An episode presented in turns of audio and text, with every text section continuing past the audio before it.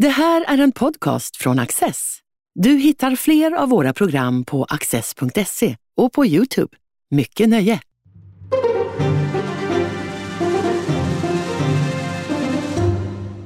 Välkomna till eh, Studio Access. Dagens ämne är ett som har diskuterats intensivt hittills under den här vårterminen, nämligen elförsörjningen i Sverige. Får vi den kraft vi behöver? Kommer vi att få den kraft vi behöver eh, framgent? Kring sådana frågor och många andra ska jag diskutera med dagens gäst, Mats Nilsson. Du är docent i nationalekonomi vid Södertörns högskola, mycket engagerad i eh, energifrågan. Har vi en elkris i Sverige, Mats? Ja och nej. Eh, ja, för, så, ja så först. Fråga. Ja. ja, vi har, man kan säga så här att, att delar av Sverige är nära en stor störning, alltså att det blir, det blir mörkt. Uh, om, om det blir dygn eller timmar eller vad vi pratar om, men, men tillräckligt mycket för att det ska vara, för att vi ska kunna känna av det. Har vi för lite energi över ett år? Nej, där har ju de politiker som säger det rätt. Men, men elmarknaden är ju funtad så att du måste ha energi i varje punkt varje sekund.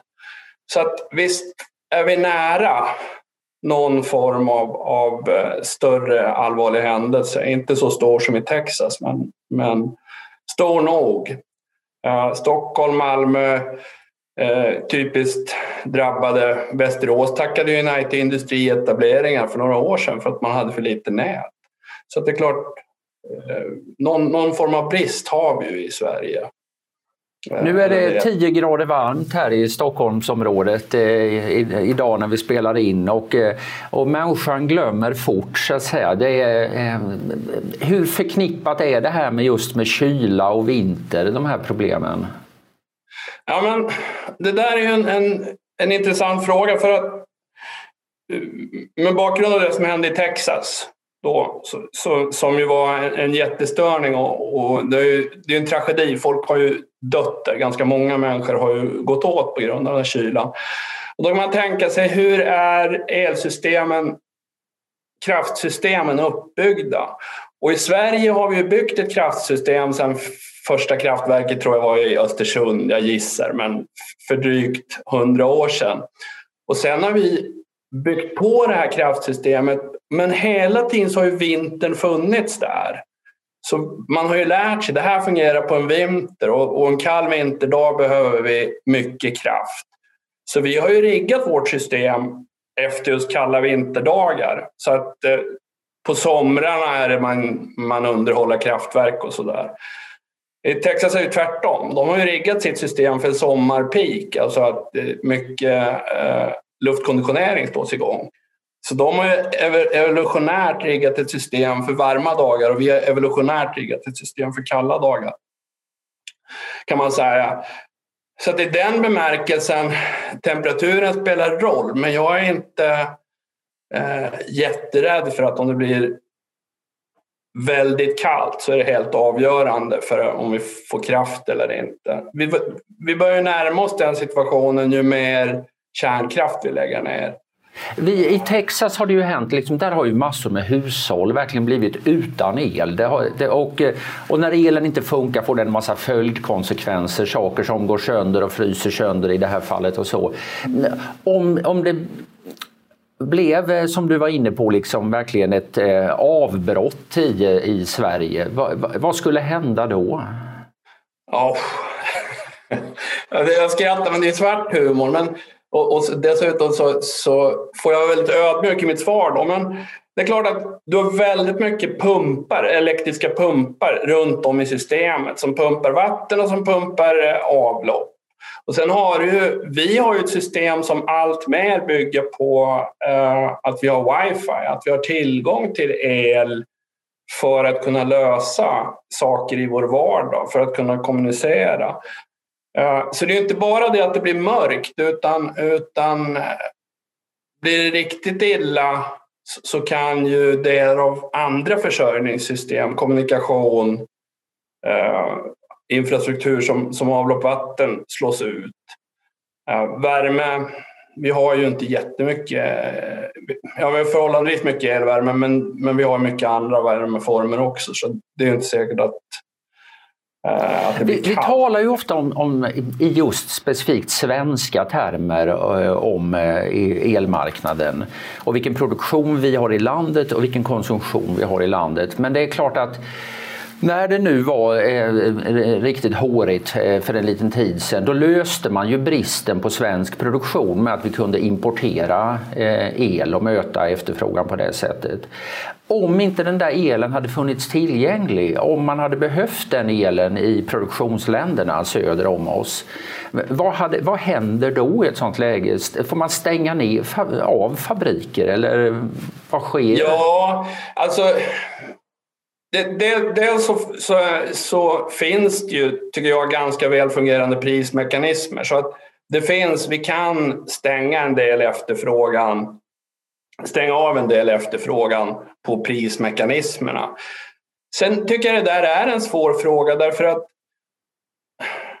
när vi tänker om den svenska elmarknaden och vi tänker om den svenska elmarknaden så säger vi just den svenska elmarknaden. Men det är ju en global marknad. Alltså i den bemärkelsen att vi är väldigt väl ihopkopplade med framförallt Danmark, Norge, Finland. Då. Sen tar man upp, ofta upp Polen och Tyskland, men det är små kopplingar. De stora kopplingarna och den stora handeln sker med Finland och Norge framförallt. Eh, och min förhoppning är att prissignalerna i första hand kommer att göra var används elen och var slår man av grejer. Och jag jag har väldigt svårt, jag ser inte framför mig att man i Finland medvetet skulle stänga handeln till Sverige och tänka att våra kunder är viktigare, nu stänger vi utrikeshandeln så får det bli mörkt i Sverige. Jag tror att den diskussionen kommer inte att, att föras. Så är det problem, då är det i regionen, regionen Norden. Uh, och då har vi ett större bekymmer. Men alltså el handlas ju på en börs och, eh, och när det blir eh, mindre utbud då, om det blåser lite och vindkraften står stilla, utbudet sjunker, då går priset upp. Men är det så storkonsumenterna betalar för sin el? Alltså är, köper de till löpande marknadspris? Det verkar lite riskabelt. Har man inte långa kontrakt och sånt här? Ja, men både, både och. Alltså Holmen var ju ute nu när det blev lite högre elpriser så var de ju ute och, och, och eh, beklagade sig och sa att här elpriserna är alldeles för höga. Vad det nu betyder eh, Därför att elpriserna har ju legat under kostnad i, i ett par års tid. Alltså vi har haft alldeles för låga priser skulle jag säga. Då, när, när vi har ett genomsnittspris på 10-15 öre då täcker många eh, kraftproducenter inte sina kostnader. Inte ens vindkraften. Så att, så att, men, men de var ju ute och beklagade sig. Och, men, men, det är klart att de har prissäkrat också. Men någonstans blir ju det där, då har du köpt till ett visst värde och så går priserna upp och då hamnar du i situationen, vad gör jag med min prissäkring nu? Vill jag, vill jag stänga ner lite och, och gå ut på marknaden istället. För en av kommentarerna kring den här eh, effektbristen då eh, har ju varit att ja, eh, vi borde satsa mer på vad de kallar för flexibel användning som i realiteten innebär att man drar ner på verksamhet och stänger av grejer för att, för att klara situationen. Är det här ett redskap som verkligen är något vi ska eh, betrakta som en eh, kraftfull eh, åtgärd i, i elpolitiken? Jag skulle, jag skulle säga att ja, det kanske det är om, om 10-15 år, men vi måste bry oss om hur det ser ut nu. Och nu, den flexibla användning som finns, den finns vi har ju väldigt mycket industriflex. Alltså, den finns redan där och, och den är redan vågar jag påstå, den finns redan inprisad i marknaden. Den här flexen som, som, man, som ofta kommer upp, det här med att ja, men om alla har elbilar och så kan vi börja flexa och så kan Mats Nilsson ha en mätare i hemmet och, och, och flexa där.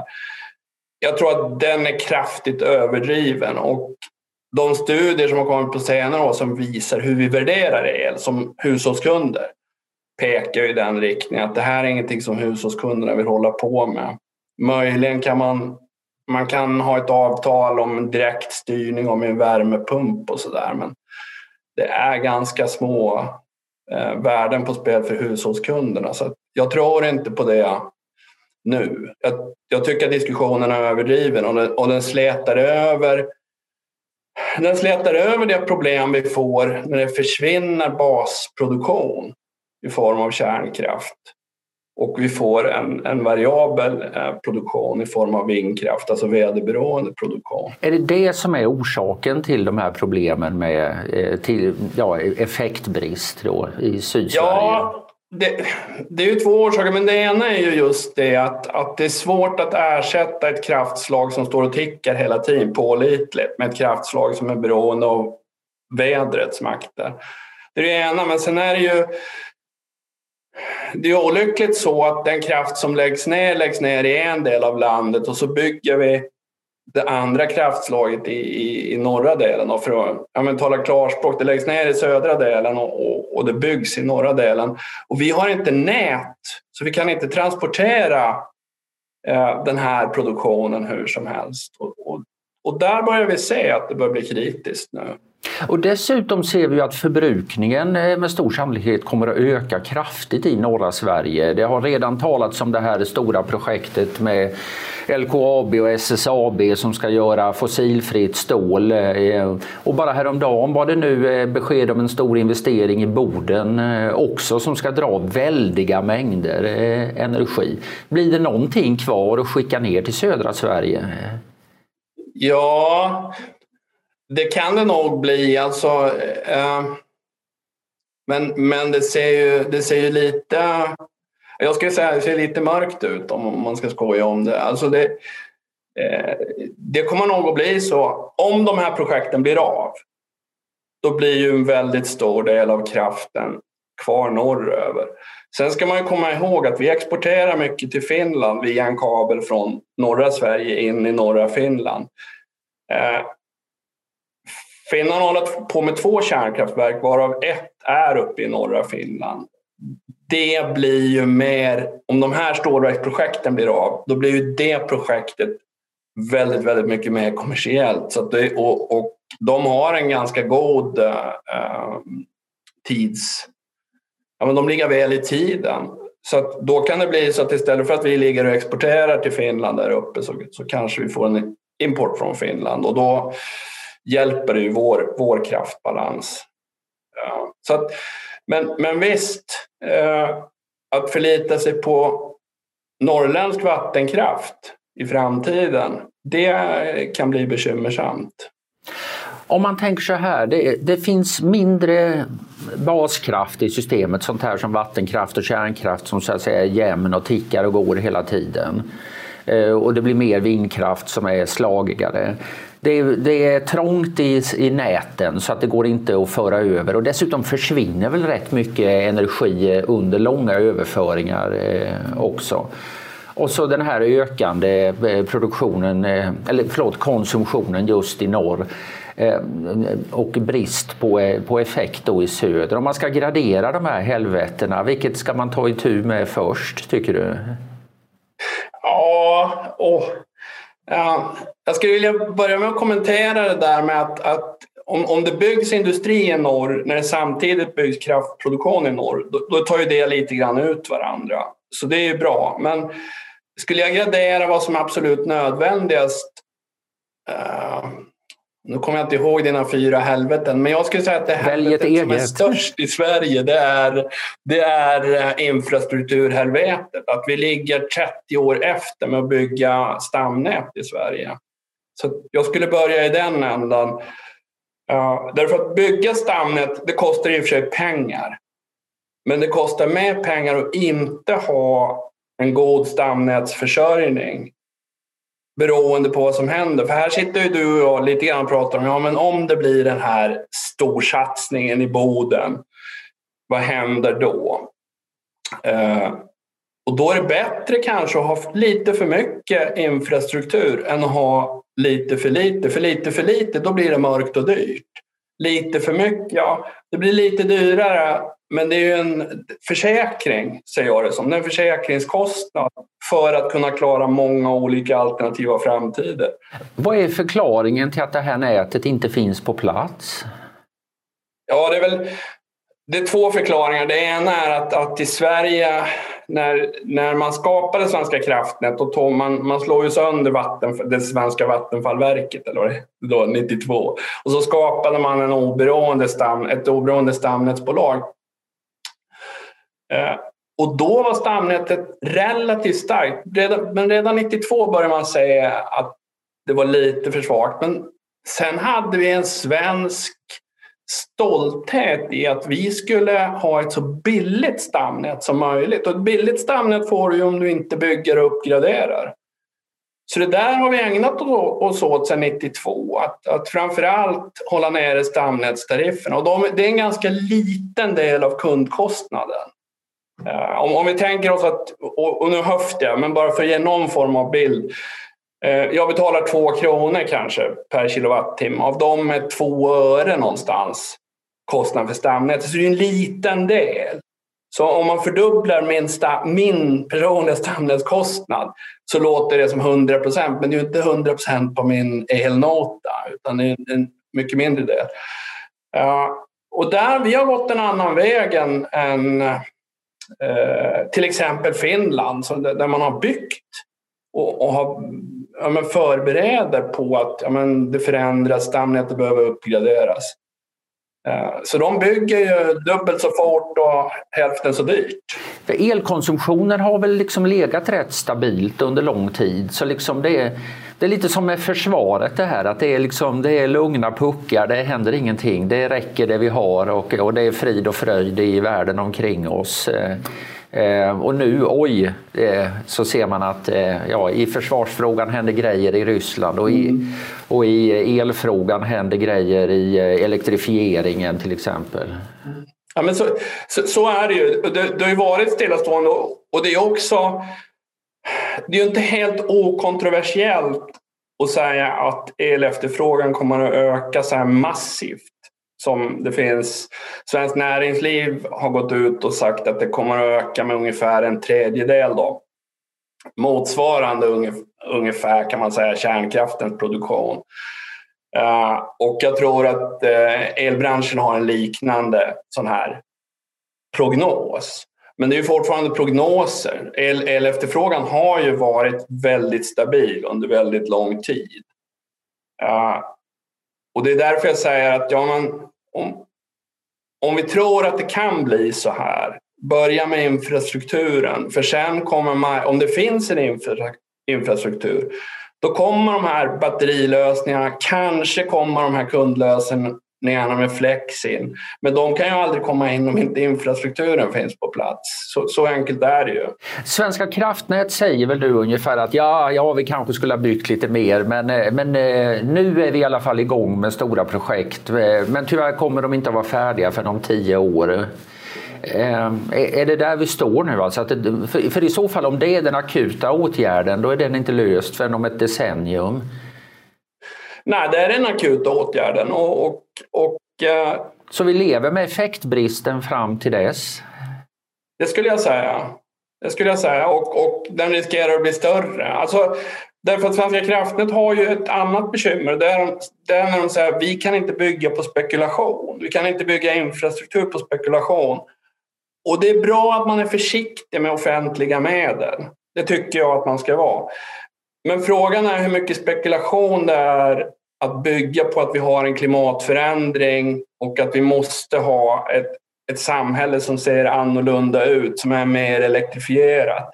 Det finns en viss risktagande i det, men den är väldigt liten i förhållande till att man fortsätter att ligga efter. Så att, eh, och, eh, det är klart att de kan göra saker snabbare. Eh, andra stamnätsbolag bygger betydligt snabbare och betydligt billigare än Svenska kraftnät. Jag, jag jämför med Finland till exempel. Om man tittar på produktionen då istället, så liksom, hur mycket har effektbristen i södra Sverige att göra med stängningen av eh, reaktorerna på Ringhals?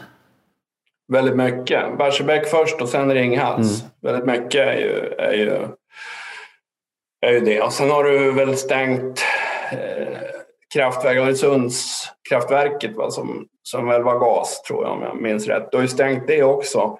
Alltså det är mycket av de här kraftverken dels, ja, man kan diskutera stängningen av Ringhals, var det här rätt eller fel?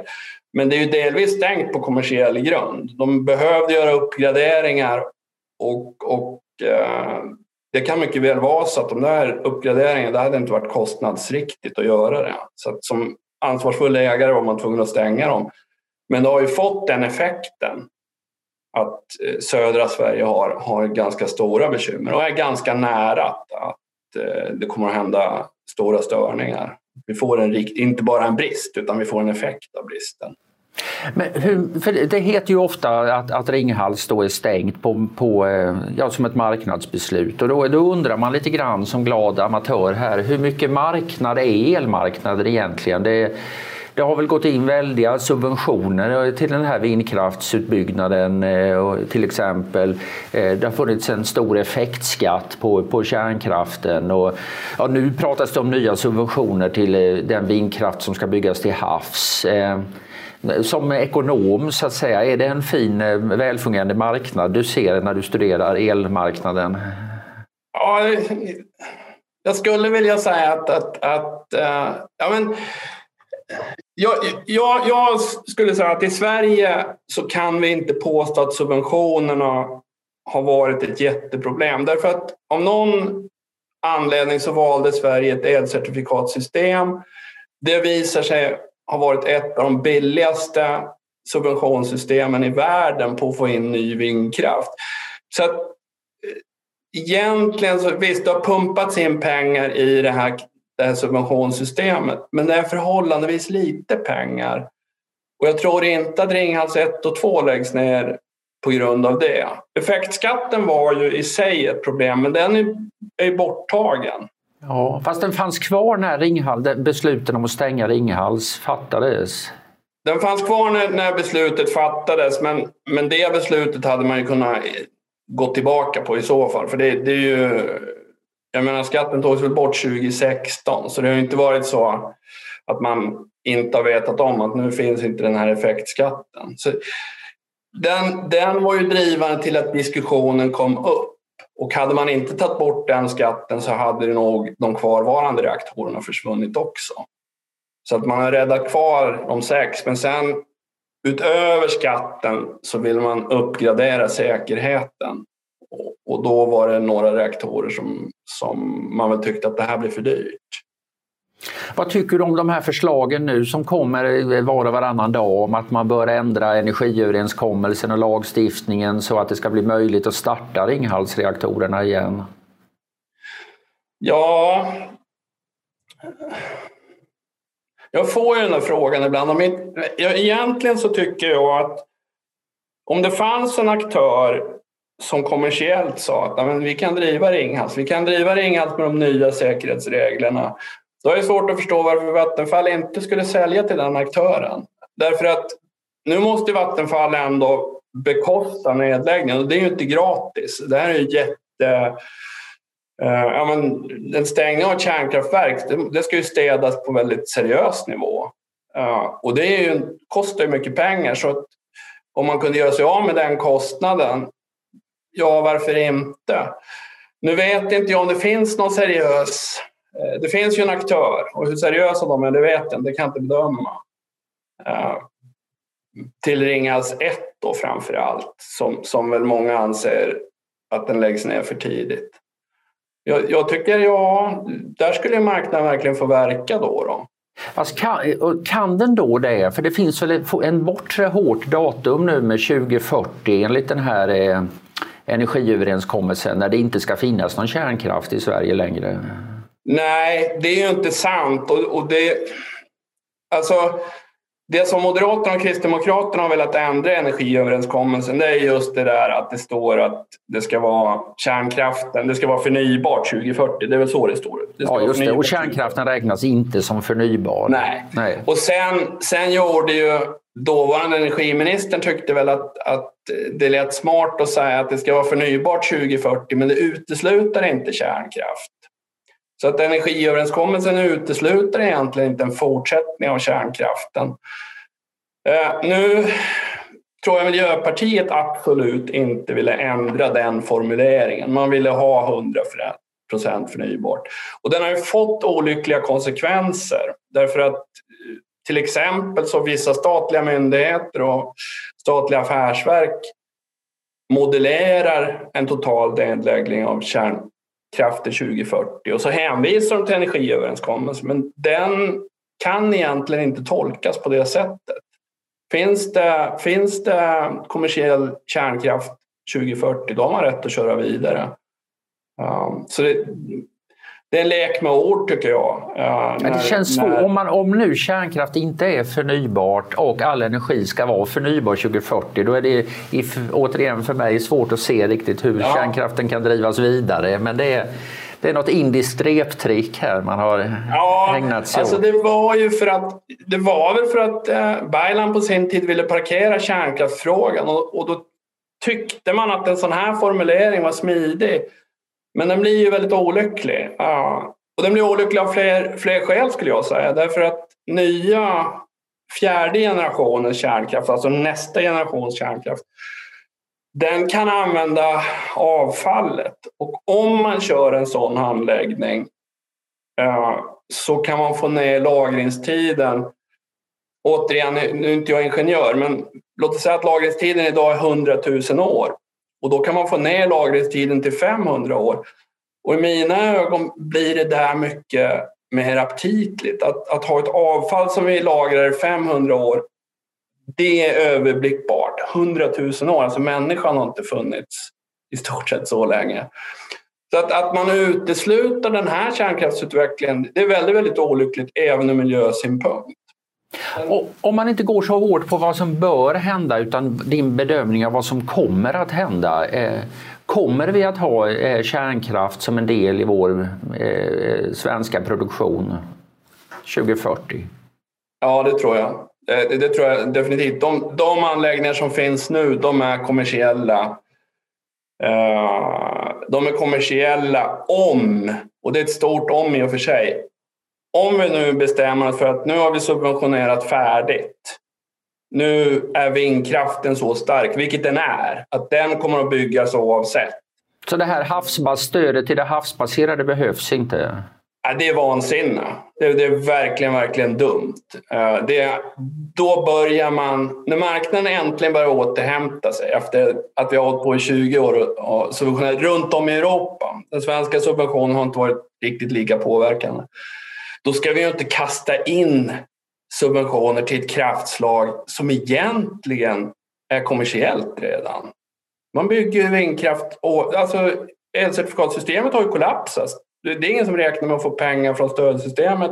Ändå väljer man att bygga vindkraft.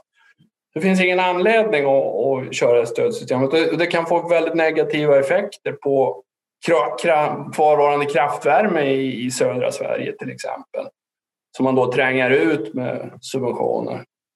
Så det, ska jag uttala mig väldigt starkt om någonting, då är det det här havsbaserade vindkraftsstödet. Det, det är jätteknasigt. Ja, det finns väldigt många olika frågor här. Vi måste börja tänka på refrängen vad det lider. Men, men ett par saker till vill jag ändå ta upp. Och en är ju just det här hur man hur producenter får betalt. Att, att det är, de får betalt för kilowattimmar. Men de får inget betalt för att finnas där när eh, köldknäppen kommer så att säga. Ja, medan att priset kan ju gå upp då också. Men det här att, att, ta en sorts grundläggande ansvar och erbjuda en kraft som alltid finns tillgänglig. Eh, borde inte det gå att få betalt för det också? Egentligen så får, alltså en förenklad version, då tittar man på, på spotpriserna, alltså dagen före-priserna och, och det är det elpriset som man diskuterar i media och sådär. Men det finns ju redan idag marknader för, för att balansera eh, så att det är rätt mängd varje timme. Och de, och de där marknaderna ger ju redan idag ersättning till kraftföretagen. Så att bara ha en, en kilowattimme marknad och så adderar du de här extra marknaderna som redan finns då det tror jag faktiskt skulle kunna fungera väldigt väl. Det som vi möjligen behöver eh, reglera det är en upphandling av sådana här mer tekniska saker som man kan diskutera. Att, att frekvensen att det finns saker som gör att frekvensen inte faller väldigt snabbt.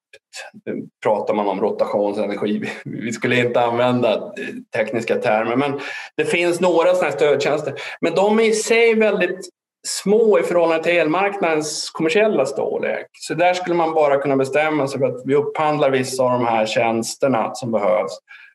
Men sen tror jag att en marknad kan lösa det. Om du får en sån extrem händelse som i Texas, då är det inte en fråga om marknad eller reglering längre. Det är en fråga om... Ja, det som hände i Texas var att den som har ansvaret för prognoserna, vilket råkar vara systemoperatören, har inte tagit i tillräckligt mycket för en sån här händelse, för ingen trodde att det skulle kunna hända. Och det kan hända oavsett om du har en marknad eller en reglerad eh, verksamhet. Det är ju det är ett jätteprognosfel, men det är svårt också hur, det är lätt i efterhand att säga att det där borde de ha kunnat förutsett men det var, en ganska, det var ganska mycket som hände samtidigt och en extrem situation. Så jag tror marknaden kan lösa det utan, utan eh, någon annan modell som man säger. Men en annan modell är, det är reglering.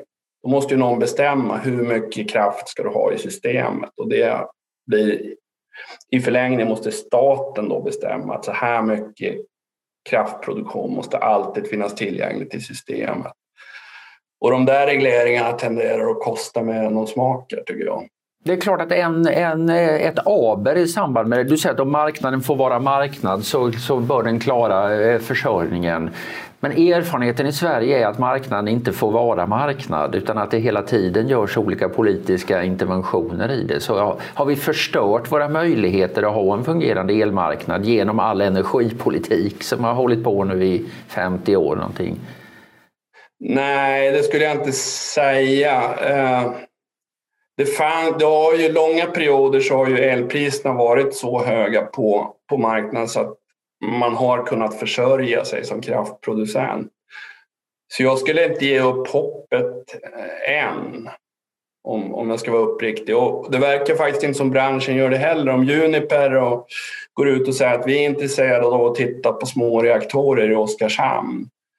Uh, om det ändå byggs vindkraft bara på elpriserna, vilket det ju faktiskt gör idag, ja, då verkar det som marknadsaktörerna inte heller riktigt gett upp. Uh, så, så det, jag tycker det är för tidigt att, att ge upp hoppet om marknaden. Är det den som ska se till, för du förutspådde nu effektbrist under lång tid framöver, eller ja, återkommande problem i varje fall. Vad är då, om vi ska försöka ringa in det, vad är lösningen på det problemet? Dels så får vi väl, väl, nu vet jag att skåningarna uppskattar inte när jag säger det här, men, men dels så får man ju se till då att priserna återspeglar lokal brist bättre än vad de till och med har gjort nu. Då. Så att man, är det så att det finns ett överskott av elproduktion i norra Sverige och det finns ett, underskott i södra Sverige, då måste det få reflekteras i olika priser i Sverige. Det, det är en lösning. Och den andra lösningen är ju att, att få ordning på transporterna alltså av el. Att, att bygga ledningar, se till att de, det finns ju ledningar som idag inte används. Uh, därför, att, därför att det har blivit försenat av olika skäl. Projekten har blivit försenade, men det går ju ganska snabbt att få, få ordning på dem.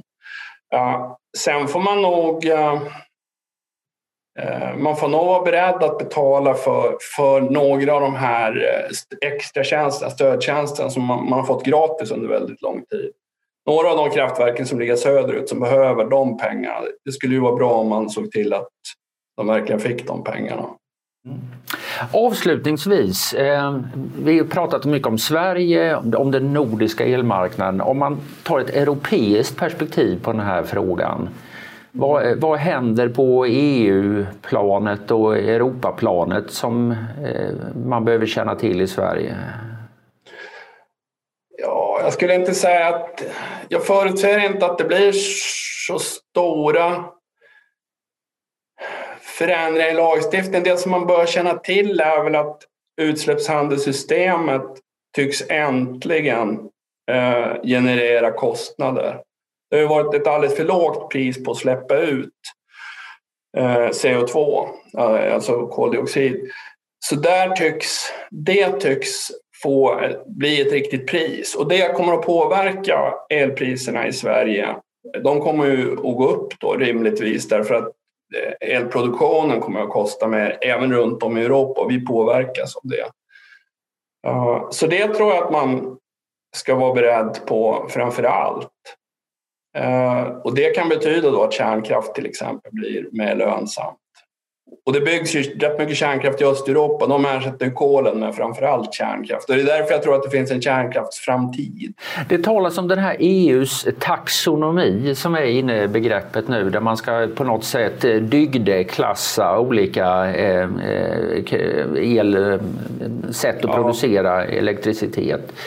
Eh, där, det då, där då till och med vattenkraft ska betraktas som eh, skum och eh, skadlig. Kan det där få konsekvenser för Sverige? Ja, det kan få konsekvenser för Sverige därför att eh, om man inte blir, får vara med i den där taxonomin så kan det bli så att man får dyrare finansieringskostnader. Eh, så det, kan, det kan slå mot eh, ja, men kärnkraft och bio tror jag framför allt. Vattenkraften, ja i viss utsträckning, men den, den borde vara ganska trygg.